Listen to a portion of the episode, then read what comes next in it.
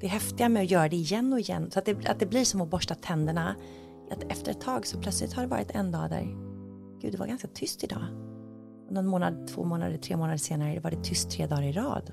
Och så får vi uppleva de här sakerna som är bortom det här, som kan upplevas som ett snurrande tankemonster, för det tar liksom aldrig slut. Om vi fortsätter lyssna så kommer det liksom aldrig komma med nya saker vi agerar på.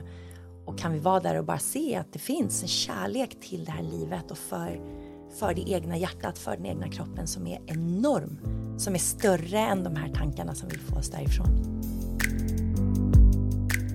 I dagens avsnitt har vi med oss Dr. Marie Kristina som är legitimerad läkare men som också har valt att rikta in sig på holistisk medicin.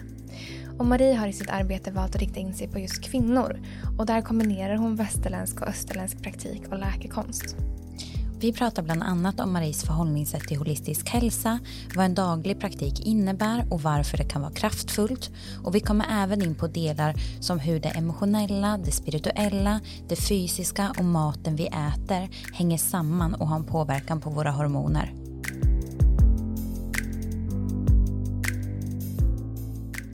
Varmt välkommen hit doktor Marie Kristina. Tusen, tusen tack. Det är en gåva att få vara här. Mm. Vi är så glada att ha dig här verkligen.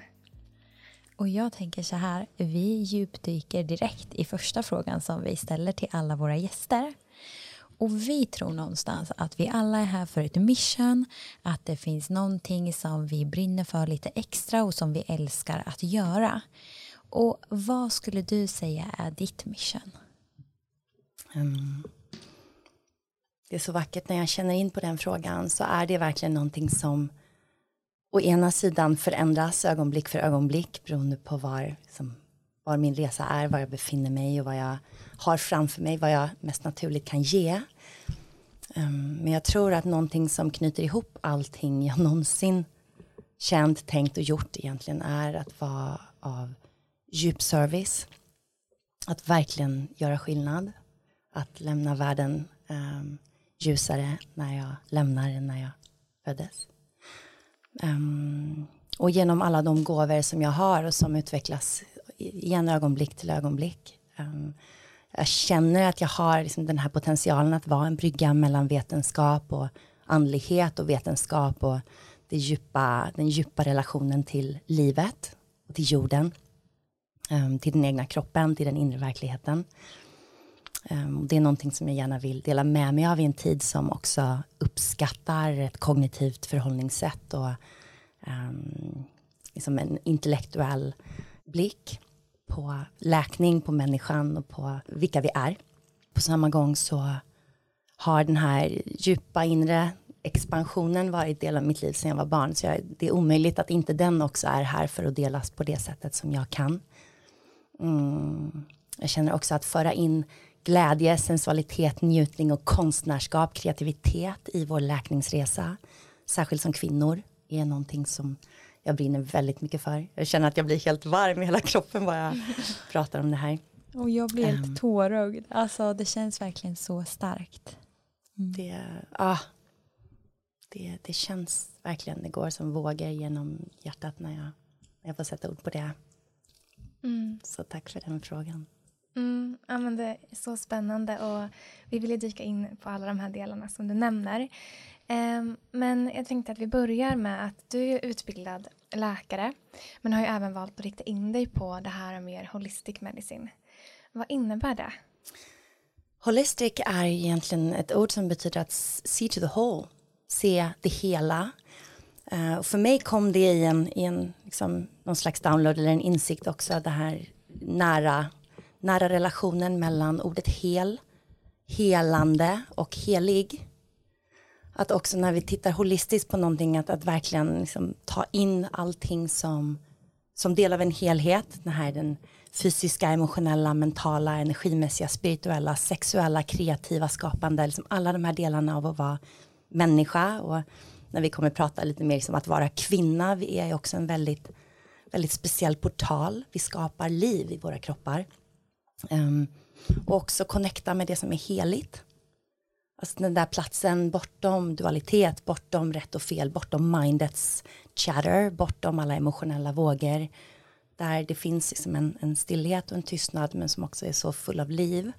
Att det är en så viktig komponent av läkning och medicin. Och sen förstås liksom the holy, the healing and the whole, så liksom det helande.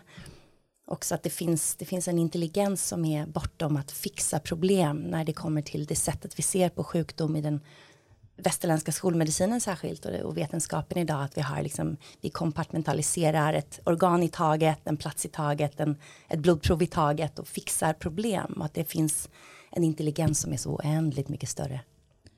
Och det som kommer till mig nu, det som jag funderar över, för du är ju utbildad läkare och i din utbildning då känns det kanske inte som man tar hänsyn till de här delarna som du beskriver nu. Hur kom det sig att du liksom började komma in på den här banan och liksom se människan som ja, men en helhet? Mm. Det är en så fin fråga. Jag tror det alltid har varit där. Um, ända sedan ganska tidiga år har jag själv varit både sjuk, haft fysiska utmaningar och mycket smärta, mycket skador som barn. Jag dansade mycket. Um, och hade depressioner från nio års ålder och sen från att jag började med p-piller fick jag djupa depressioner och var sjukskriven mycket depression och migrän. Um, så egentligen genom min egen resa i ödmjukhet att vara patient minst så mycket som jag var läkarstudent och läkare. Um, det var alltid där under läkarutbildningen. Jag sökte mig alltid till kurserna inom de som var mer, ska man säga, både spirituella och kreativa och fria, lite mer kännande. Jag var inriktad på först på neurokirurgi men insåg att det var väldigt liksom, det var så praktiskt. Um, och sen neurologi och sen blev det psykiatri och sen var jag i gränslandet mellan kreativitet och psykiatri när jag skrev mitt, Eh, min examensuppsats och verkligen tappade in i liksom vad ett emotionellt spektrum gör med skapande kraften i oss och vad forskningen säger om det. Och sen efter det blev jag jättesjuk. Ehm, då slog jag ut mina både binjurar, sköldkörtel, eh, könskörtlar ehm, och hade liksom en total hormonell krasch. Man kan säga att jag, jag har liksom upplevt som ett väldigt så ett momentant, en temporärt, både klimakterium och liksom, ska man säga, tom på energi, tom på kraft. Liksom har varit väldigt sjuk själv och jag tror att jag är övertygad om att den resan har väckt någonting. För det var inte den västerländska medicinen som gjorde mig frisk.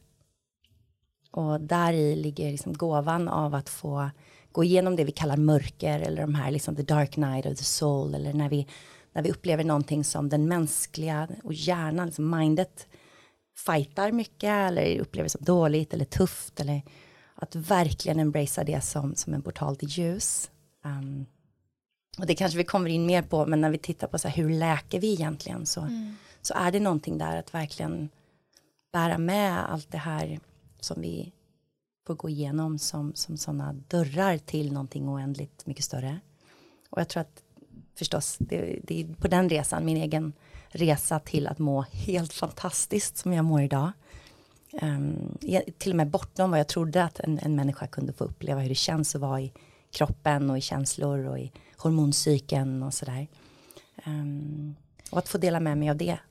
Uh, och om vi bara kan toucha lite vid det, för jag kan tänka mig att de som lyssnar nu tänker okej, okay, ja men du har gått igenom de här sakerna, men okej, okay, hur läkte du? Mm.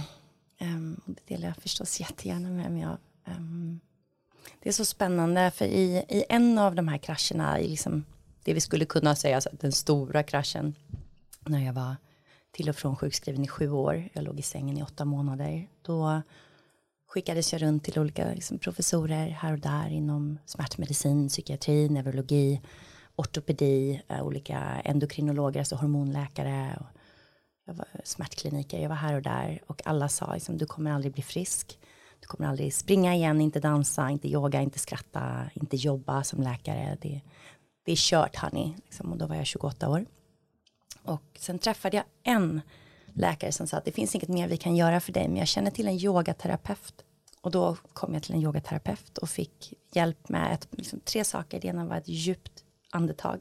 Att lära känna det djupa, djupa andetaget och att verkligen använda diafragman som är kopplat till vår vaguston till exempel. Och när vi liksom verkligen bjuder ner andetaget djupt ner i bäckenet. Och som kvinnor hela vägen ner och känner livmodern expandera och känner hjärtat expandera, vingarna mot ryggen. Och om vi tittar medicinskt, liksom, att den här bindväven som krampar eh, kopplat till psoasmuskeln som är vår höftböjare som håller vårt fight or flight och freeze. Det är den som liksom böjer sig för att springa, böjer sig för att sparka eller böjer sig för att krypa ihop. Och de är enormt nära länkade. Det är också nära länkat till vår vaguston som är vårt parasympatiska, alltså lugnande nervsystem. Och att bara börja andas djupt var en enorm nyckel. Eh, sen fick jag ett mantra att sjunga varje morgon, varje kväll.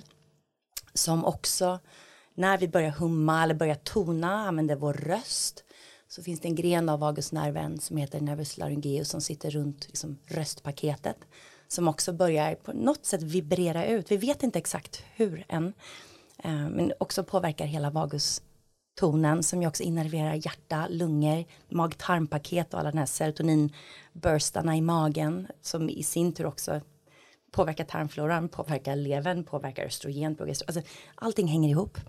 Um, det här var innan jag hade börjat studera det djupare. Jag bara gjorde mantrat och märkte att någonting hände. Och att jag satt i, eh, i tyst meditation, satt och utforskade vad som kom upp till ytan i stillhet, tystnad och rymd på insidan. Eh, vilket i början var väldigt utmanande för det kom mycket som jag inte hade lust att vara med. Ehm, men igen de här att se vilka nycklar vi kan sätta i dörrarna och börja öppna dörrar till ljus genom det. Ehm, så det var verkligen liksom en, en, spirituell praktik som började läka mig på cellnivå. Mm. Och nervsystem, hormonsystem började långsamt återhämta sig. Sen var jag också under den tiden det som höll mig liksom flytande till dess att jag fick kontakt med, med den här yogin. Um, det var verkligen socker och koffein. Det var liksom det som var smärtstillande. Mm. Så jag levde i cykler av att bara äta kanelbullar och dricka kaffe för att det gav mig precis tillräckligt med dopaminkickar, stimulerade noradrenalin som inhiberar smärta på olika sätt som är superspännande forskning som, som många av oss läkare inte känner till ännu. Um, men hur vi kan jobba med kronisk smärta i liksom mer balansera um, med kost och med, med vår praktik. Um, och det var så spännande hur jag då slutade dricka kaffe, slutade äta socker, slutade äta kött och började bara leva väldigt, väldigt rent och cykliskt. Började leva i ritual eh, med rutiner och skapa liksom en, en väldigt, ganska så här maskulin, ganska tydlig grid för um, att ge mig själv förutsättningar att börja läka. Och över tid så, så bara skiftade, skiftade kroppen och Um, och min upplevelse av kroppen. För det är främst det som hände efter tre veckor av det här. Det var att jag vaknade en morgon och kände att de här 13 professorerna inte satt på power. Mm. Utan this one, liksom jag, den här, jag har power. Jag kan föra min kropp till läkning men det, det kräver liksom devotion. Mitt hjärta måste vara med för att ha motivation men det bor här. Och då, då började det skifta helt oändligt och även när vi slutar fightas mot det vi quote unquote drabbas av eller det som det vi lider av utan verkligen öppnar upp för att lära oss av det så skiftar också någonting i vår perception och det i sig är så läkande att inte fightas. Mm. Mm. Jag tror det du säger nu, alltså det ger så himla mycket hopp till andra som mm. kanske är i en liknande situation och att det finns så många andra vägar att gå. Ja, verkligen. Och jag blir så nyfiken på så många av de här delarna och vi kommer gå in på alla de här sakerna. Men en sak som du sa här med mantra, mantran. Eh, det är någonting som är ganska nytt för mig så det kanske är några av lyssnarna som också eh, känner att det är någonting nytt. Om man känner så här, det där lät jätteintressant, hur, hur skapar jag ett mantra? Mm. Vad är det för någonting? Mm, ett mantra, ordet mantra är ett ord på sanskrit som, som visar oss egentligen hur vi stillar manos, eller liksom vårt mind. Någon, vi börjar vibrera någonting som, som mindet blir upptagen av ett ord eller en, en, um, en mening som är väldigt laddad, väldigt, ett väldigt heligt språk. Det är som både hur det är utformat, hur det låter i munnen och hur det vibrerar och sen hur det vilka punkter vi touchar tungan som är akupressurpunkter för olika delar av vårt nervsystem till exempel. Um, det händer någonting och vi börjar också vibrera kring hjärtat som det här vi pratade om med, med vaguston mm. och sådär. Men att finna ett mantra, man kan säga att jag blev då sänd till en, en um, terapeut inom medyoga som jag sen också gjort en resa som instruktör, lärare och terapeut och undervisat um, lärare där.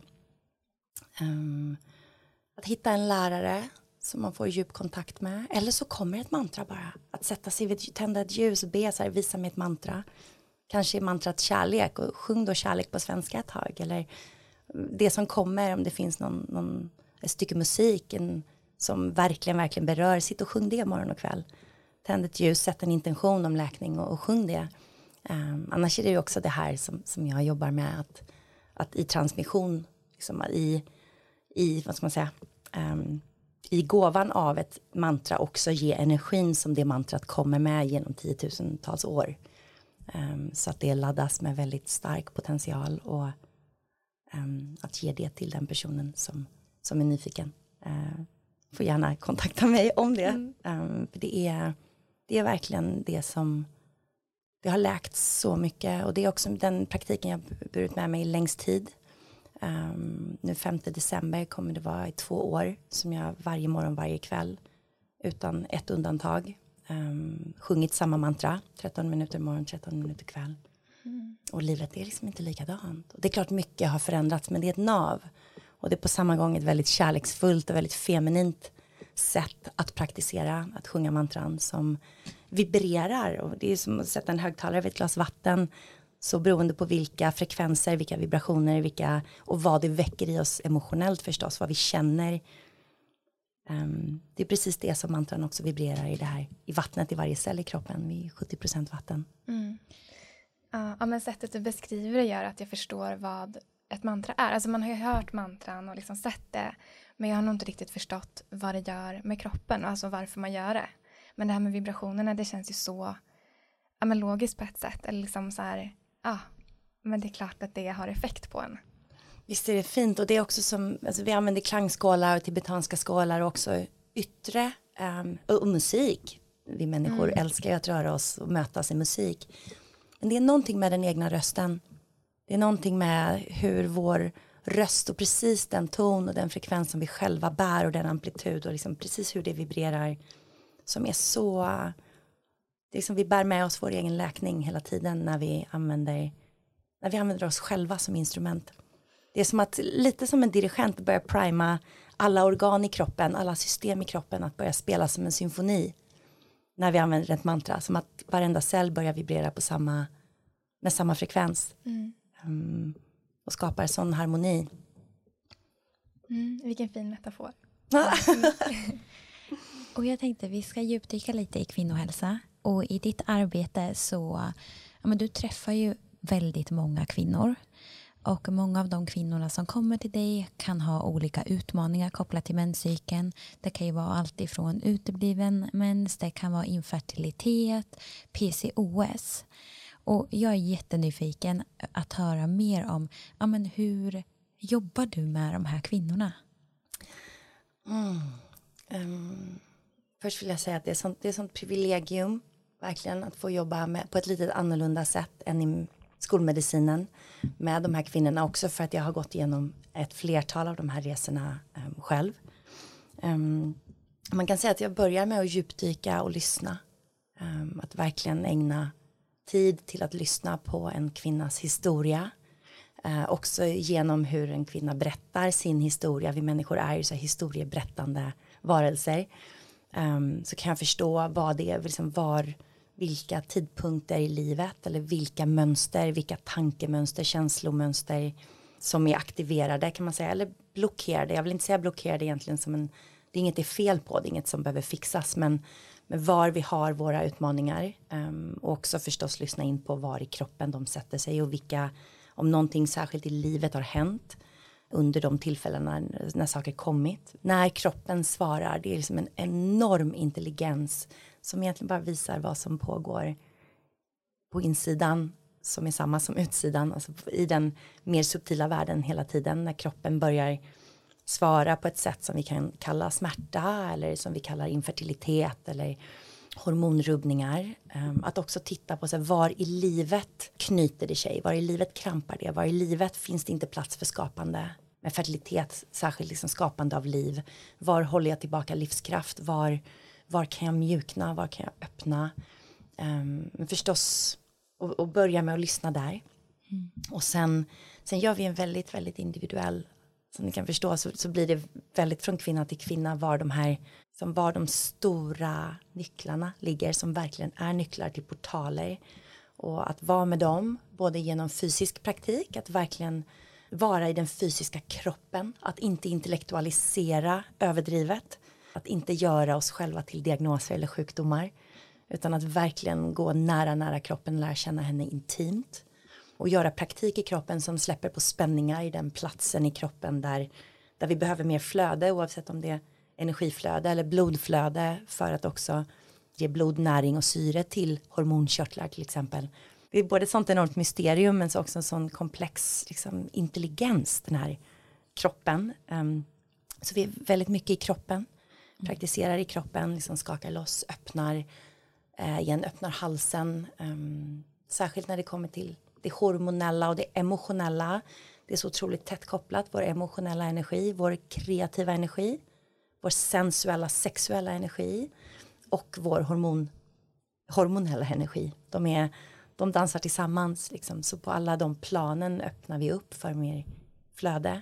Och sen jobbar jag också med att ta funktionsmedicinska tester. Eh, om det är någon som har gått en längre tid och liksom gått igenom utredningar och verkligen vill också få med den delen, att liksom förstå det medicinska och se hur det ser ut just nu i, i hormonsystemet så tar vi hormonprover, så Dutch-tester, alltså torrurinprover där vi tittar på könshormoner, stresshormoner, sömnhormoner och också en cycle mapping kan man göra, titta på hormonerna över måncykeln. Vi tittar också på tarmfloran och läckande tarm eller systemisk inflammation för att, för att allting hänger ihop. Um, och utgår ifrån det när vi då gör en plan med kost, livsstil, dygnsrytm, eh, träning, meditation, mjuk rörelse, eh, frigöra bäcken, eh, bäcken, korsrygg, höfter som ofta är väldigt spända. Hos alla människor men för oss kvinnor så innebär det också att vi inte får lika mycket flöde runt livmoder, äggstockar ehm, och binjurar. Så vi, vi jobbar på alla plan. Och med bön verkligen med djup intention, eh, affirmationer men som går djupt, som verkligen blir till liksom en ny sanning. Att vi börjar med att plantera frön av läkning som sen spontant genom praktik och det vi, det vi gör liksom får gro och bli eh, stora ljusiga träd och blommor.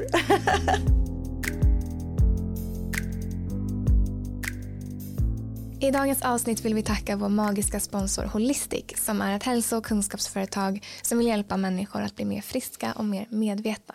Ja, och idag ska vi djupdyka i maghälsa. För är det någonting som har uppmärksammats de här senaste åren så är det ju verkligen hur viktig mage och tarm är när det kommer till vår hälsa.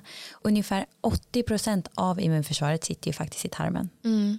Och inte helt otippat så har ju tarmhälsan också väldigt, väldigt stor betydelse för våra hormoner och vår menscykel. När tarmen inte fungerar optimalt så kan vi inte ta upp eller tillgodogöra oss näringen i det vi äter. Och det här gör ju då att kroppen inte får byggstenarna som behövs för att vi ska kunna producera tillräckligt med hormoner. Och det här kan ju då bli till obalanser i hormonerna. En fungerande tarm är också viktig för att vi ska kunna göra oss av med överblivna och förbrukade hormoner. För kan vi inte göra det så fortsätter de att cirkulera i kroppen och det här stör ju ja, den naturliga hormonbalansen. Mm, exakt. Och den senaste tiden har jag själv upplevt olika IBS-symptom och det här har jag märkt är väldigt nära kopplat till stress och jag har också känt hur det här påverkar i sin tur olika PMS-symptom. Så därför har jag känt att jag verkligen vill stötta mag och tarm lite extra så jag har använt Holistics magpaket senaste tiden och kan verkligen rekommendera det till alla som upplevt samma typer av symptom. Mm. Och både du och jag har ju använt det här magpaketet och det innehåller ju fyra olika produkter för just mage och tarm och de här passar ju ja, men de allra flesta oavsett om man har utmaningar eller inte. Mm, precis. Så i det här paketet ingår matsmältningsenzym. Det här har ju verkligen varit en av mina absoluta favoriter som jag har använt de senaste åren. Och det matsmältningsenzym gör är att det hjälper till att bryta ner och ta upp näringen i det vi äter samtidigt som det kan ja, stötta vid exempelvis stress. Och den andra produkten är smörsyra som kan vara bra mot just irriterad och obalanserad tarm som jag var inne på innan. Och mjölksyrebakterier är den tredje produkten och den innehåller goda bakterier för tarmen och just den här produkten från Holistic innehåller bakterier från 12 olika stammar. Och den fjärde produkten är prebiotika som alltså är fiber som matar tarmens goda bakterier. De här produkterna som vi pratar om, vi lägger dem i avsnittsbeskrivningen för vi förstår att det kan vara svårt att hänga med. Exakt. Och vi har en rabattkod från Holistic så för dig som är nyfiken så kan du använda koden WomenSync20 med stora bokstäver så får du 20% rabatt på hela deras sortiment på deras hemsida holistic.se. Och den här rabattkoden gäller till och med den 31 december. Tack snälla Holistic för ett magiskt samarbete. Vi får många frågor i DMs om hur man som kvinna kan må så bra som möjligt under månadens gång. Och om du vill lära dig mer om menscykeln och hur du kan påverka den genom verktyg i din vardag så vill vi tipsa er om Women's Think-boken. I boken tar vi upp allt du behöver veta om den kvinnliga biologin, hur du kan synka din livsstil till din menscykel för att må så bra som möjligt. Vi djupdyker även i mat utifrån menscykelns faser, vi delar framgångssagor från communityn och så, så mycket mer. Och I början på veckan brukar vi gå igenom reviews på vår hemsida och när vi läste den här reviewen så, ja, så fick vi rysningar för den var så fin och vi ville dela den med er. Eh, det står så här. Det här är alla kvinnors bibel. En helt ny värld som öppnades för mig, som har underlättat och förbättrat mitt liv och kommer att fortsätta att göra det. Ja, alltså wow. Så, så fint. Ja, så mäktigt. Och boken finns att köpa på vår hemsida womensync.se. När du träffar de här kvinnorna, kan du se att det är någon, någonting som många kvinnor kommer med till dig? Alltså vad är de vanligaste problemen som kvinnor kommer med? Det som kommer så spontant och direkt så är det faktiskt, det är så brett hur vi upplever oss själva, alltså vad, vad idén om vad jag kommer med är, vad jag vill vara på väg, om det är att skapa liv i form av ett barn eller om det är att vara smärtfri över hela måncykeln, oavsett vad det är. Um, så det som de flesta kommer med är en relation till kroppen som någonting som ska fixas. Ett problem som ska lösas, någonting som ska se ut på ett annat sätt eller bete sig på ett annat sätt för att kunna performa. Och där kommer liksom också dansen med stress och, och utmattning in som är så nära kopplat till, till de kvinnliga hormonerna, stresshormonerna. Hur vi på något sätt relaterar till kroppen som någonting som ska show up. Mm. Och att liksom börja mjuka upp det perspektivet till att det är vi som show up för kroppen. Att kroppen är en, liksom den här ja, enorma Eh, liksom, gruppen av celler av kärlek som bara gör vad vi vill faktiskt. Vi kan pusha oss själva ganska mycket. Och det är nog den största liksom, common factor som jag ser hos kvinnor som kommer till mig. Att det finns en mentalitet av att få kroppen till en viss plats. Oavsett om det är sjukdom, att vilja skaffa barn eller att se ut på ett visst sätt. Eller bli av med saker. Mm. Alltså eftersom att jag själv har haft utmaningar kopplat till menscykeln och utebliven mens. Att det är någonstans i det du berättar nu. Det är där det har funnits ett så himla stort skifte. I att gå från det här, ja men hur min kropp ser ut och vad den ska göra. Till att mer känna tacksamhet och kärlek över den. Och i det skiftet så finns det ju verkligen så mycket kraft. Men sen är det ju också en process. Alltså det är en process som tar tid men på den vägen så kommer man ju också komma in i sig själv på ett helt annat sätt. Som kunde, kommer kunna hjälpa till att läka på så många olika delar. För ofta som, som du nämner här med att ja, men många kanske vill förändra hur kroppen ser ut. Men det är ju aldrig där det handlar om i grund och botten utan det är ju bara en biverkning av någonting djupare. Där delar du ofta så fint upplever jag när jag ser hur liksom, din resa och det som är så levande i, i dig och med din kropp. Ja, hur verkligen den här resan hem, hem till kroppen. Mm. Att lära känna kroppen intimt och få en relation med henne. Mm. Um, snarare än att hon blir någon slags redskap. Att vi inte heller dissocierar. Att vi först kanske luckrar upp det här idén om att jag är min kropp i form av utseende eller vad den kan. Och sen ändå liksom inte blir något annat än kroppen utan att verkligen är i nära relation. Um, och det läker någonting. Det läker verkligen något att vara, vara med kroppen. Att känna henne, att verkligen lyssna. Att lära oss lyssna på de här signalerna som när vi inte lyssnar under lång tid blir till symptom. Mm. Men tror du det här kan vara connectat till, jag tänker till exempel det här med maskulin och feminin energi. och vårt förhållningssätt till det i ja, men samhället just med att det här maskulina är kanske mer det som värdesätts och när du beskriver det här med att börja känna in kroppen det känns mer att det är liksom i det feminina hur tänker du kring liksom maskulin och feminin energin och den kvinnliga biologin liksom? Hur många timmar har vi? det, här är, det här är verkligen någonting jag brinner för. Mm. Um, för det, det är väldigt sant det du säger. Det tog mig många år att liksom inse hur maskulint förhållningssätt jag hade till min egen kropp och till livet. Um, och det är viktigt att också komma ihåg att det inte är rätt eller fel. Vi befinner oss i ett tidsskifte där vi bjuder in en, en våg av feminin energi kommer in i världen. Och det är ju igen inte så kvinnlig eller manlig 100% men den feminina energin som är öppenhet i hjärtat, mottagande, inkännande, vågor och den cykliska naturen som vi kvinnor har väldigt biologiskt i oss. Den här djupa, man kan liksom nästan, för att känna den feminina energin, det är liksom livsshakti, liksom livskraften som rör sig i vågor. Det här djupt liksom inkännande, sensuella, kreativa, vi skapar liv. Den feminina kraften skapar liv, det är liksom, vad ska man säga, jordens och livets fertilitet och sensualitet och i sensualiteten ligger också senses, liksom att vi verkligen vi, vi doftar, vi smakar, vi känner, vi ser, vi hör, vi liksom är så levande i det. Medan den maskulina energin som vi också, både kvinnor och män bär båda två, men är liksom grundad, centrerad, eh, håller ljus, håller space, står stadigt och bev snarare bevittnar den feminina energin röra sig cykliskt runt. Um, ett mer linjärt förhållningssätt, mer liksom light and consciousness, bara se klart och ha vision och röra sig tydligt framåt. Liksom. Um, och det är spännande om vi tittar på medicinen för um, väldigt mycket forskning görs ju på icke-cykliska varelser, alltså män, mm. um, i Eh, medelålder för att inte vara barn eller, eller för gamla.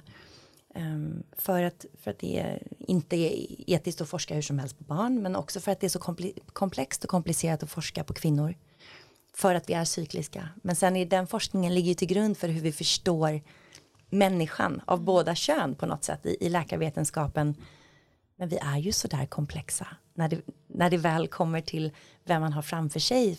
För mig som läkare så är det ju en komplex varelse som det blir inte helt applicerbart att använda um, all forskning på det sättet. Och där upplever jag ett jätteskifte in i en feminin revolution inom den här delen av hälsan där ert initiativ är så magiskt och värdefullt. Verkligen att öppna upp också på ett vackert och lättförståeligt och öppet sätt börja prata om den feminina cykeln som en power. Att hur vi kan komma liksom närmare oss själva genom att lära känna våra faser. Um, ta hand om oss genom att äta, leva, träna, sova, vila, skapa utifrån uh, cykeln. Det är också en väldigt stor del av den passion jag älskar att dela med, med andra, både med kvinnor men också med män. För att män ska liksom komma närmare också det här intima, livsskapande, feminina och kunna hålla space för sina kvinnor i omvärlden oavsett om det är partners eller mamma, dotter, syster, kollega. Um, så det är så fantastiskt när vi börjar leka med det här och vi, vi, är verkligen både det maskulina ljuset och den feminina öppenheten i den här världen i, i form bortom där, där, vi badar, där vi mediterar, liksom där in oneness. Så i den här formen, i den här tantriska jorden vi, vi bor på, liksom, så har vi både maskulin och feminin energi som vi är med jämt. Och att vara i båda. Att också märka, okej, okay, min ägglossning där det finns mer av ett liksom light of fire. Det är någonting som, men det finns också en öppning, en, en fertiliteten kommer med en sensualitet som också känner mycket och börja liksom lära känna det i, i sig själv. Det är väldigt juicy och spännande. Mm. Du har ju varit inne på lite det här med dans. Du nämnde någonting innan. Eh, du brukar prata om hormondansen och hur alla delar som det emotionella, spirituella, ja, men alla de här delarna som du har nämnt nu, att det hänger samman och har en påverkan på våra hormoner. Kan du sammanfatta det lite, liksom hur du ser på det? Absolut. Det jag kallar hormondansen som nog var ett väldigt så spontant uttryck som kom igenom mig. Um, det är igen den här symfonin som där vi dansar tillsammans eller spelar den här musiken liksom av, av läkning så att hormonerna kan dansa. Um, att de dansar liksom alla tillsammans. Det finns inte ett hormonsystem som är helt isolerat från ett annat. Uh, och igen hur vi ser på, på hormoner ofta i medicin idag och det håller på att skifta absolut och luckras upp de här gränserna av att man tar ett system i taget. Men liksom, om man tittar på vårt chakrasystem till exempel, de här sju energicentrarna som också korresponderar till våra sju hormoncentra i kroppen där rotchakrat är binjure, Eh, bark som handlar mycket om tillit och överlevnad. Vårt andra chakra, sexualchakrat, är våra könshormoner som handlar mycket om flöde. Um, och magen som handlar mycket om som kraft och transformation som är vår bukspottkörtel och hur vi behandlar mat. Hjärtat, vårt, liksom, vår gräns mellan jag och omvärlden och vårt immunförsvar och bressen som i kulturer där man lever väldigt både naturligt och rent och i praktik. Den hålls väldigt aktiv och levande högt upp i åldern men i västvärlden så börjar den tillbakabildas mycket, mycket tidigare när vi är ungdomar. Um, och sen halsen och liksom röst, uttryck, flöde och sång. Um, och vår sköldkörtel som också är liksom den uh, kanalen för att producera egentligen våra livskraftshormoner. Alltså det den energimolekylen som, som flödar i kroppen. Och sen vårt tredje öga som är vår hypofys. Där vi har både en nerv, eh, nervdel och en hormondel. Där vi har liksom den här mötesplatsen mellan nervsystem och hormonsystem. Och kanalen mellan de högre centrarna och tankar, liksom det här kognitiva universet på vår insida och som sen genom eh, kroppen flödar ner och signalerar till alla de här stationerna vad som sker, vad vi, hur vi responderar. Um, här kommer vi säkert inom en stund på hur tankar sen också blir till biokemi och hur tankar och hormoner hänger ihop. Tankar, känslor och, och vår fysiska kropp. Um, och sen vår epifys eller vår pinealgland som som reglerar mycket sömn och även liksom den här connection to the bigger realm eller to consciousness. Och de här sju stationerna de signalerar hela tiden till varandra.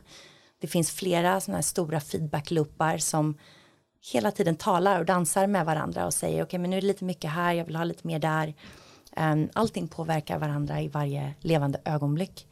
Det finns liksom inga hormoner som är helt utan varandra utan ofta i funktionsmedicin så där använder jag ofta en modell där vi liksom började ovanifrån att först få, liksom, få ordning på sömn. Först se till att kroppen kommer in i sin egen dygnsrytm, att den lär känna sin egen cyklicitet, alltså hur den går i rytm med sig själv. Och att sömnen blir så återhämtande att nervsystemet också har en chans så att, att kroppen kan läka. Och sen genom det liksom få kontakt med sköldkörteln att genom att läka med sömn att få en mer balanserad sköldkörtel som också är så um, genom också hypofysen som är kopplingen um, däremellan. Att få en, en balans i våra sköldkörtelhormoner. Och det kan vi göra med kost och också med andra typer av livsstilsförändringar och sen därifrån liksom, låta det nedströms gå till via immunförsvar och tarmflora och liksom hur vi omsätter mat eh, ner till våra binjurar, om vi tittar på den här HPA-axeln som är hypotalamus, hypofys och binjurar, vår stressaxel av att producera stresshormoner. Um, att balansera det, att se till att vi liksom aktiverar det lugnande nervsystemet oavsett om det är genom praktiker eller yoga, meditation, alla de här otroliga sätten att, att verkligen lugna vårt nervsystem eller balansera nervsystemet.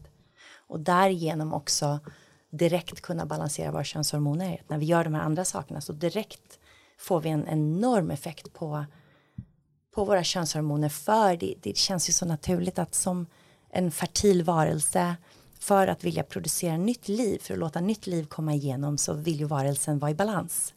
Det är då vi har de bästa förutsättningarna för att kunna bära nytt liv in i världen och bygga en helt ny organism i, i vår livmoder.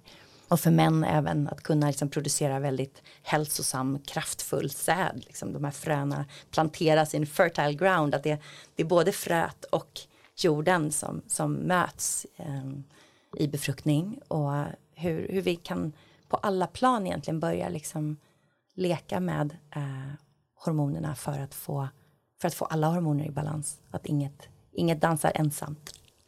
Och det här är ju alltså så mäktigt. För, och det blir ju så här, det är ju så himla många saker som påverkar, vilket är så fint. Men jag kan också tänka mig att de som lyssnar kan känna, ja men jag har utmaningar med min sköldkörtel eller eh, infertilitet eller någonting annat. Okej, okay, allting påverkar varandra. I vilken ände ska jag börja? Så om du skulle sammanfatta lite så här mer konkret, vad kan man göra som kvinna, om man har utmaningar kopplat till menscykeln, vad ska man göra för att läka? Hur börjar man? Och det berör mig verkligen, för jag har varit där. Så här var börjar vi? Det fina är att vi kan faktiskt börja vad som helst. Och det är gåvan, för att allting hänger ihop så kan vi börja var som helst. Och jag brukar med, om jag har liksom en relation med någon, en klient framför mig, även om det bara är en, en session, men att vi, att vi pratar och jag förstår, liksom, jag också känner av energifältet och förstår att här, här finns utmaningarna här.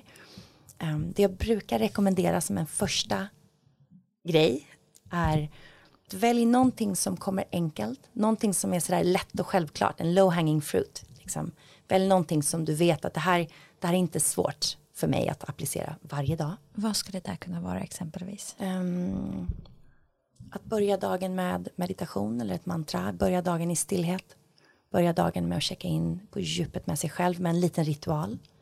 Um, kanske börja med en, en ayurvedisk abhyanga som är en sån här självmassage uh, som jag gör både morgon och kväll uh, vinterhalvåret. Um, som är som att, att värma upp sesamolja och droppa i lite, jag brukar droppa i ylang ylang som är en väldigt liksom, en afrodisiak, väldigt feminin eh, olja som också stimulerar vår, vår doft till att känna in. Um, och massera kroppen, ta en, ta en, varm dusch, tända ett ljus, dricka en kopp te i tystnad. Innan vi börjar liksom ta hand om, kanske får man gå upp tidigt, men det, det kan vara värt det. Innan vi tar hand om andra saker, innan vi tittar på mobilen, innan vi tar hand om barn eller hund eller partner eller föräldrar eller vilka det än är som är i rummet innan vi börjar göra någonting, att ta en stund för att vara och känna att vara i kroppen. Så verkligen bara börja lära känna sig själv med mjukhet. Att liksom vara nyfiken och sugen på att komma lite närmre inåt och hemåt och till kroppen och till det som känns. Kanske bara sitta en stund med en hand på hjärtat, en hand på livmodern och lyssna. Uh, powern i den här kvinnliga kroppen, den är så enorm i hur den pratar med oss när, när vi börjar lyssna. Och det finns massa saker som, som kan lossa, liksom locka olika personligheter. Det kan vara också att gå ut i naturen. Kanske inte för att gå liksom 1,8 mil fort som tusan i en sån här tjocksulade. Men bara gå ut och sitta i naturen. Ta den här stunden och känna naturen. Att börja någonstans. För det spelar faktiskt inte så stor roll var vi börjar. Det får sån enorm effekt överallt. Mm. Nu kom det in lite på det här med en daglig praktik, alltså det här med att göra någonting varje dag. Du brukar prata om hur viktigt det är och du nämnde några saker nu, men vad är mer dagliga praktiker man kan ha? Mm.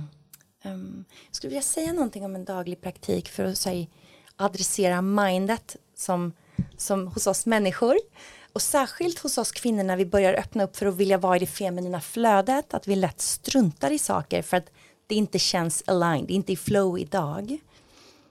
Men intelligensen i att igen och igen och igen med, med en kärleksfull disciplin som vi kan kalla devotion, det här min längtan efter någonting som är större än den här instant gratification i stunden.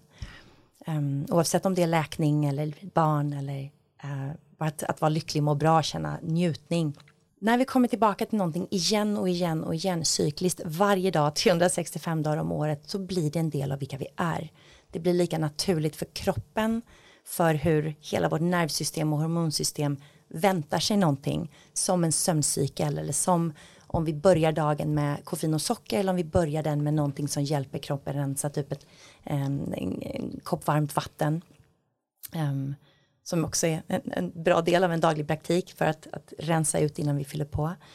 Um, men det här att komma tillbaka till någonting igen och igen och igen och gå igenom de första kanske dagar, veckor, månader, år av motstånd att göra det här igen och igen. Det kopplar upp oss mot ett så kvantfält bortom tid och rum som verkligen på djupet skiftar vilka vi är. I ayurvedan och yogan pratar vi ofta om 40 dagar skiftar cellprocesser, 120 dagar liksom skiftar förändra vårt DNA på, på djupet, förändra vilka vi är i vår blueprint, vår kod. Liksom. Och 1008 dagar, då kan vi börja göra andra saker, då har det blivit en sån djup del av vilka vi är. Och när vi gör de här sakerna varje dag så det går liksom inte att inte skifta. Och jag vet inte om jag ska dela min praktik, den är, ganska extensiv. Um, men jag kan göra det, för det, det är ofta det som jag själv fullt liksom embody, som jag också delar med mig av till andra. Det är så det blir autentiskt och trovärdigt. Det är också det jag märker verkligen fungerar för mig själv och andra som jag tar in och gör del av min egen praktik. Um, det är egentligen att ögonblicket jag vaknar, att börja med en stund i stillhet innan jag ens öppnar ögonen, att verkligen känna, känna stunden, känna och vara i det här fältet bortom, inte sätta igång någonting. Liksom. Um, och sen brukar jag gå upp, göra den här massagen, borsta tänderna, göra så ayurvediska ritualer, borsta tänderna, skrapa tungan, dricka det här varma vattnet, ta en dusch, eh, går tillbaka och sätter mig i en tacksamhetsmeditation känner tacksamhet på djupet. Um, sen sjunger jag ett mantra, som är det här jag har sjungit i ett par år nu. Uh, sen sitter jag i en, en ljus visualisering, börjar koppla upp mer mot de övre chakrarna, att kunna liksom visualisera hur kroppen är ljus. Som en del också av en läkningsprocess, det har varit väldigt kraftfullt. Sen eh, gör jag lite andra energipraktiker. Um, går upp, går ut, ofta då behöver jag gå upp, släppa ut min hund, gå ut i naturen och ge en offering till en blomma eller en mandel eller någonting till jorden och bara liksom säga hej jag är vaken, tack för att jag får vara här. Och sen går jag in och gör um, en yogapraktik ungefär en och en halv timme, vilket är en lång tid. Det här, som ni märker, det här är this is a long time. Det, är inte, det här är inte nödvändigtvis, behöver inte vara tillgängligt för, för alla att göra det på det här sättet. Det har bara blivit så för mig, för jag, jag kan inte se att det skulle vara på ett annat sätt. Men och sen efter den här tre timmars praktiken verkligen sitta och ta liksom en, en kopp kakao. Är det någonting som jag verkligen vill vara med, som inte, jag inte vill vara utan, så är det kakao. Den, att öppna hjärtat, grunda kroppen, sätta igång elden. Um, och sen börjar dagen.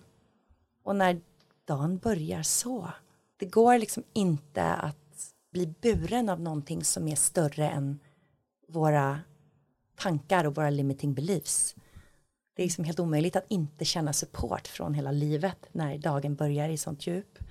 Um, men med det sagt så började det för mig med tre minuter. Det börjar med den här med yogaterapeuten där jag i princip andades en minut. Det var det jag orkade. Andades en minut, hummade en minut och eh, satt i meditation en minut. Och det räcker också. Har vi tre minuter, då är det tre minuter vi har någonting händer om vi gör någonting i 11 minuter. Kan vi liksom dedikera oss själva till jag har 11 minuter morgon och kväll. Jag börjar min dag i stillhet och jag avslutar min dag i stillhet innan jag går in i sömnen. Att vi också sätter oss och liksom primar nervsystemet för att kunna gå ner med sömnhormonerna djupt i en läkande nattsömn. Så, så sker någonting. Vi, vi hjälper liksom cellerna att verkligen läka på ett plan som, som behöver upplevas det kan lätt bli teoretiskt att berätta om det så här men att börja uppleva det, det är, det är som magi fast på riktigt. Mm. Så tre minuter skulle räcka för de som känner sig nya till det här men att ändå dedikera tre minuter på morgon och kväll exempelvis. Då kommer någonting kanske hända. Alltså är det tre minuter du har så är det tre minuter du har. Mm. Någonting händer vid elva minuter som mm. jag sa. Så vi har ofta elva minuter. Mm. Det häftiga är också, mycket forskning visar att lägger vi de här elva minuterna i meditation och, och, över tid kommer in i det här fältet av meditation som egentligen det vi i västvärlden kallar meditation det är ofta egentligen eh, koncentration att träna mindet att koncentrera sig på antingen ett andetag eller ett ljus eller vad det än är vi väljer som vårt objekt och genom den portalen kan man säga så öppnar sig ett fält det kallas dharana på sanskrit då öppnas ett fält av meditation som kallas dhyana och när vi är i det så behöver vi mindre sömn. Så för alla som känner jag, jag har inte tid, liksom, så det finns en gåva i det också, att kommer vi till den, det fältet av läkning så kan vi också, då får vi mer tid plötsligt. Någonting händer där. Vi tänkte att vi skulle gå in lite på näring. Vad är din filosofi när det kommer till näring? Du kom in på några intressanta grejer här med kakao och sådär. Men vi skulle vilja höra lite mer. Mm. Och det är så fint för det har verkligen följt min resa. Det var så viktigt för mig att äta enormt rent. Bara grönsaker och frukt, bara ekologiskt, bara direkt från naturen och jorden. Under vissa perioder av läkning i mitt liv. Jag blev för första gången sådär supervegan ett år när jag var 15. Någonting i kroppen ville bara bli tomt, inte så stimulerat och jag mådde otroligt bra av det. I andra perioder har jag ätit och druckit precis vad som helst. Där jag är idag så gör jag, jag gör en så kraftfull liksom, yogisk energipraktik för eld och för matsmältningen varje dag sen, sen ett år ungefär och sen den började verkligen ta plats så kan jag äta vad som helst och må jättebra. Det betyder inte att det alltid är att jag äter vad som helst men min filosofi kring mat är att den är enormt individuell. Den är så kopplad till vem som är framför mig. Det går inte att säga att alla ska äta raw food eller alla ska äta liksom, kött och smör. Vissa saker gemensamt är vi känsliga för. Vi som varelser är programmerade att vara känsliga för socker. Vi är, känsliga för alkohol, för koffein och där får vi känna in på djupet. Jag vet att ni två påverkas på olika sätt av kaffe har jag läst. Mm. Jag påverkas också av kaffe. Jag blir väldigt lugn och väldigt glad. Jag kan dricka det midnatt, det är, det är inga problem. Jag gör inte alltid det, men mitt sätt att bearbeta koffein har jag också sett i olika tester där jag testat mina smärtneurotransmittorer att jag har ett annat sätt faktiskt att bryta ner många av dem inklusive koffein. Så att för mig är inte koffeinet i sig en hormonutmaning. Istället så bär kaffe väldigt många, förutom koffeinet, otroligt läkande substanser. Um, som till exempel påverkar våra mitokondrier, visar viss forskning. Jag är fortfarande nyfiken på den så jag vill inte vara svartvit där på något sätt. Men liksom, det är så mycket som bär intelligens att från person till person så ser det så olika ut. Men det, min filosofi kring näring är känn in, känn in, känn in. Lyssna på kroppen. Och ju mer vi börjar dagen i stillhet och avslutar dagen i stillhet, ju mer sensitiva vi blir, som den här känsligheten som många av oss kanske fått höra som barn att vi är överkänsliga eller för känsliga. Vi människor är födda att vara känsliga. Vi lever bara i en kultur som avtrubbar en känslighet för att vi ska kunna leva på i en viss pace och, och avtrubbas lite grann. Um, det här är min, liksom mitt förhållningssätt till känslighet. Men känslighet är, ett, det är kroppen vet precis vad den vill ha. Om vi är på en plats där vi verkligen hör. För det är också lätt att bli som en slav under kaffe eller socker för att när vi äter mycket socker så matar vi vår tarmflora de bakterierna som vill ha mer socker.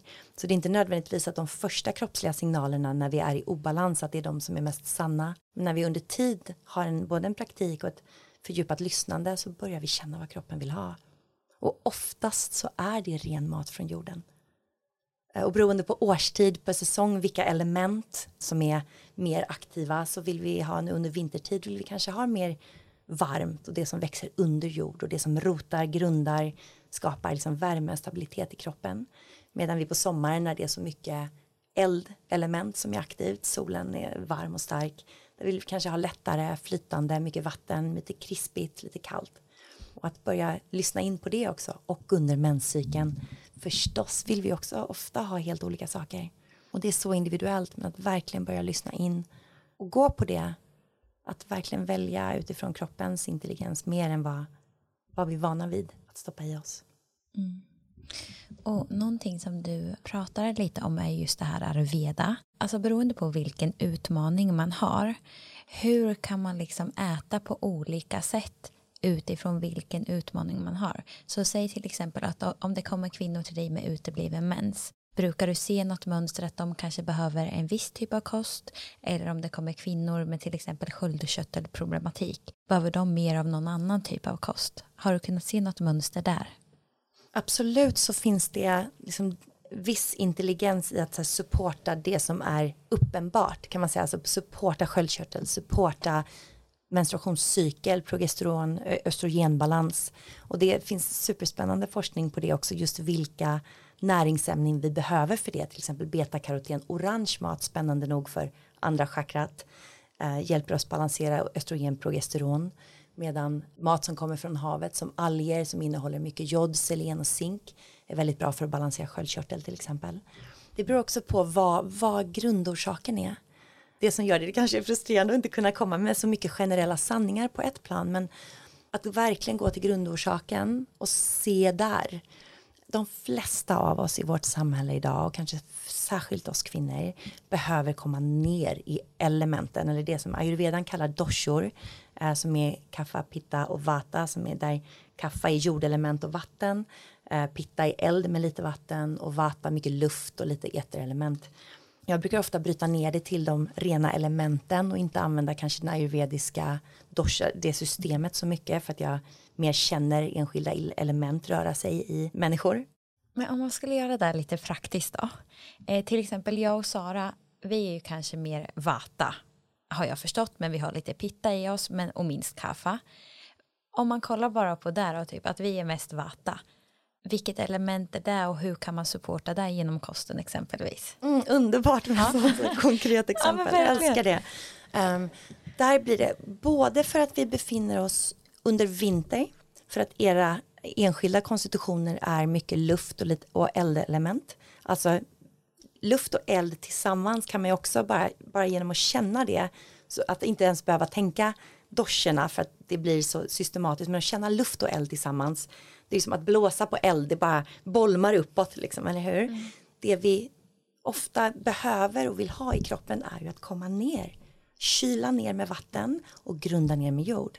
Och det är särskilt när vi befinner oss under vintern som i sig är så mycket vatten, att det är så torrt, krispigt och kyligt.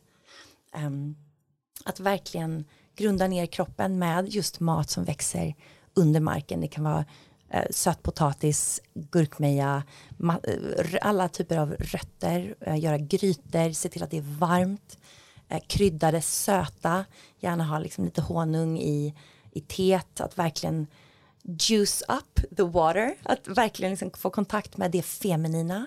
Vintern kan också bli väldigt så här, påpälsad, alla är klädda i svart, går väldigt rakt på gatorna, går fort för att det är kallt. Och att då också med matens intelligens bjuda in det som lite mer flödande, grytor, soppor, lite sötare, lite juicigare. Does that make sense? Att verkligen mm. gå till jord och vatten och grunda ner och det är otroligt vad som händer när vi börjar så. Till exempel istället för en liksom lätt och krispig frukost efter praktik och liksom inte torrt bröd eller jag vet att ni inte äter så mycket bröd men för alla som lyssnar att äta någonting väldigt varmt och närande på vintern.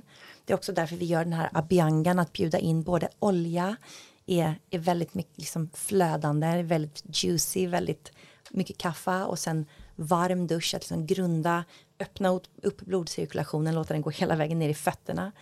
Um, låta kroppen slappna av, att liksom börja dagen där ner i jord och vatten. Mm. Sen äta typ bovetegröt istället för en, en, någonting lätt och luftigt. Um, och verkligen låta kroppen vara grundad. Så häftigt nog så blir vårt sinne också mer grundat. Tankarna spretar inte lika mycket, inte lika mycket sömnångest, inte, liksom, det händer någonting. Det är så intelligent. Mm. Och nu för tiden så är det väldigt stort fokus på vad vi äter. Men du pratar ju också mycket om hur vi äter. Eh, på vilket sätt är det viktigt? Um, det är så, det, det, är helt fantastiskt faktiskt hur mycket det gör att äta fullt närvarande. Att äta i lugn och ro. Faktiskt gärna äta i alla fall ett mål om dagen, gärna det första liksom i tystnad och i stillhet. Att låta alla sinnena få stimuleras. Gärna till och med sitta på golvet, att verkligen sitta ner mot jord så hela liksom, allting får slappna av. Att vi inte är på väg någonstans, eh, särskilt för oss som att ta en croissant och en kaffe på väg, på språng liksom, i full aktivitet av så här, alltså vårt aktiva nervsystem. Det är automatiskt, när det är igång så har vi inget blod till magen, för det behöver vårt parasympatiska nervsystem. Så att verkligen liksom först göra en praktik och gärna liksom tacka maten eller verkligen se att nu ska jag äta, dofta, känna sitta ner i lugn och ro, ta några djupa andetag och låta det parasympatiska nervsystemet göra det möjligt för blod att komma till magen och faktiskt ta hand om det vi äter. Och sen äta. Och när vi äter på det sättet då vill vi också ha saker som vi känner att är bra för kroppen i det läget. Um, och där kan vi, jag hade en lärare som brukade skoja om att så här, äter vi så närvarande då kan vi leva på Dumle och pommes frites. Men vi kan äta alla gröna juicer i världen, springer vi på samma gång så så mår vi inte bra av dem ändå. Och jag tycker det är en fin metafor att bara bära med sig så här att kan vi, kan vi sitta ner och bara se maten så liksom börja där. Och det känns som att men, alla delar egentligen som vi pratar om nu och som du kommer in på det handlar ju egentligen någonstans om just det här närvaro och också kliva ifrån den här stressen. Är det någonting som ja, men vi två utmanas av men som vi också ser i vårt community då är ju just det här ja, men att många av oss lever en livsstil och ett liv där det är väldigt mycket stress. För de som lyssnar för att liksom lyfta upp det här ännu mer kan inte du bara beskriva på vilket sätt mer konkret påverkar stress vår kvinnliga biologi? Jag vill finna ett sätt att berätta om det utan att igen vara sådär att det blir liksom nästan som en scare. Mm. Um, det är så viktigt för det mm. viktigaste som jag vill ge det är liksom the empowerment. Mm. Att vi har sån power att skifta med så små, vi börjar med ett enkelt steg. Liksom. Det kan lätt bli så eh, Armageddon och mm. liksom, hur stort det är men alltså på alla sätt så, så påverkar stress eh, hur vi mår. Det betyder inte nödvändigtvis att stress alltid är dåligt för som djur är vi också evolverade över tiden att kunna hantera stress. Det vi behöver är, vi behöver återhämtning emellan. Um, min erfarenhet både på min egen resa och med klienter är utan tvekan att när vi adresserar där kroppen krampar ihop där diafragma, psoasmuskel, vagusnerv, när vi börjar liksom skaka loss och få liv och flöde i de delarna av kroppen så responderar vi lite mindre på stress. Vi upplever inte lika mycket stress där vi är lika mycket igång kan man säga. När, när livet liksom throws things at us så har vi lättare att fånga saker på volley och behålla ett lugn. Och det är precis det du säger egentligen, så allt vi pratar om kommer tillbaka till närvaro och det och den här stillheten och tystnaden som, som, inte är en, som inte är ingenting utan som är så enormt fylld av liv. Att lära känna den gör liksom att vi kan hantera enormt mycket. Också för att den får biofysiologiska effekter i kroppen. Det händer saker. Så när vi stressar enormt mycket och kanske inte sover ordentligt, inte återhämtar, inte äter, inte känner. Så börjar vi, då får vi inte, alltså då börjar vi overrida kroppens signaler. När livet går väldigt fort det är som att vi liksom inte riktigt hinner landa ner i varje steg. Så får vi inte samma kontakt heller med jord och grund.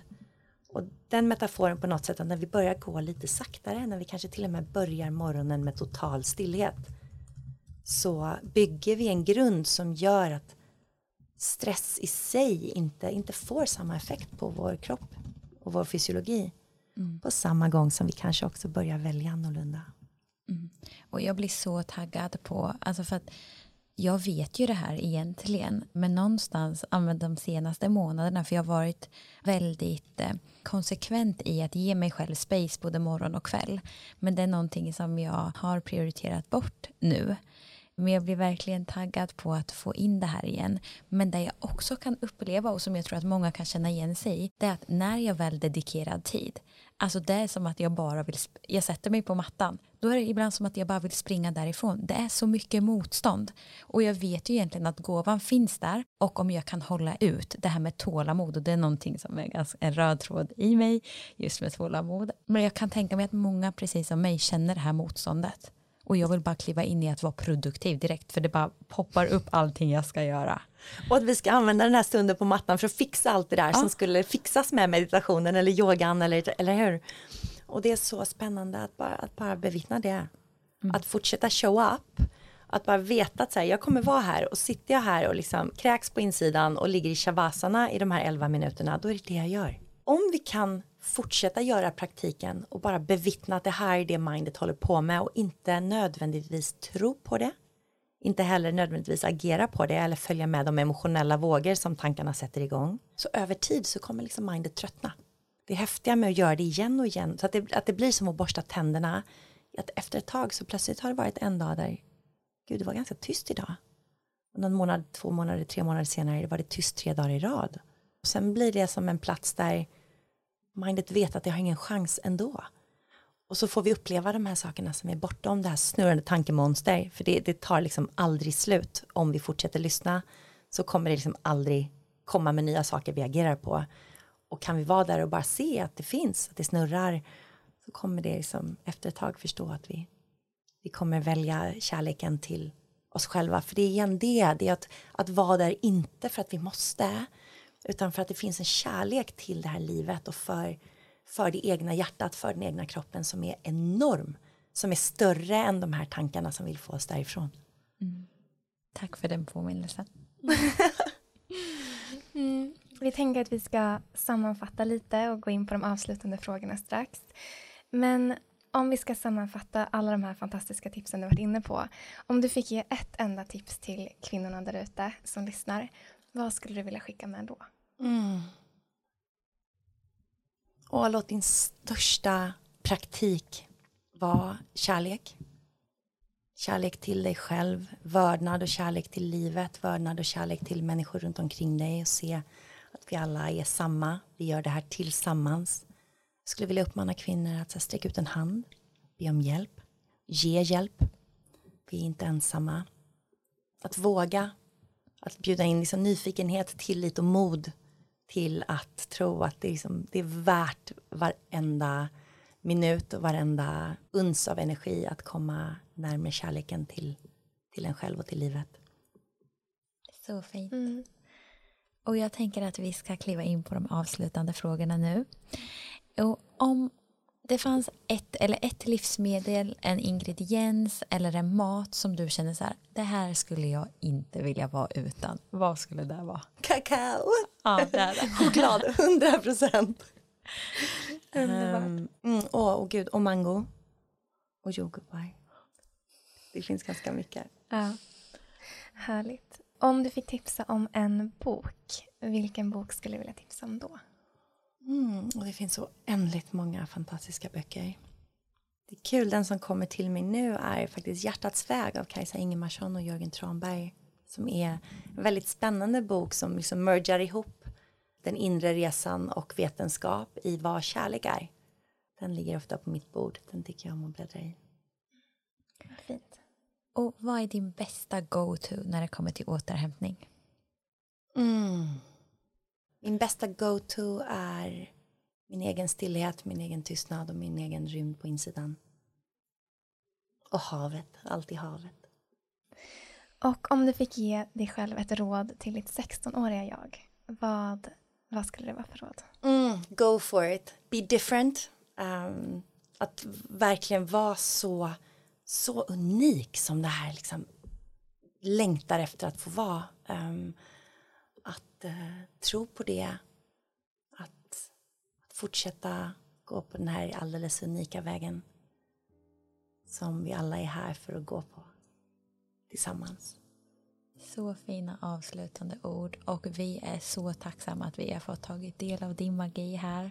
Mm. Jag är så tacksam och vill verkligen liksom get it out there att om det är någon som känner sig dragen och längtar att säga jag är här. Jag längtar efter att få vara ännu djupare service till världen och till kvinnor. Så mm. underbart. We're mm. here. Tusen tack. Tack snälla.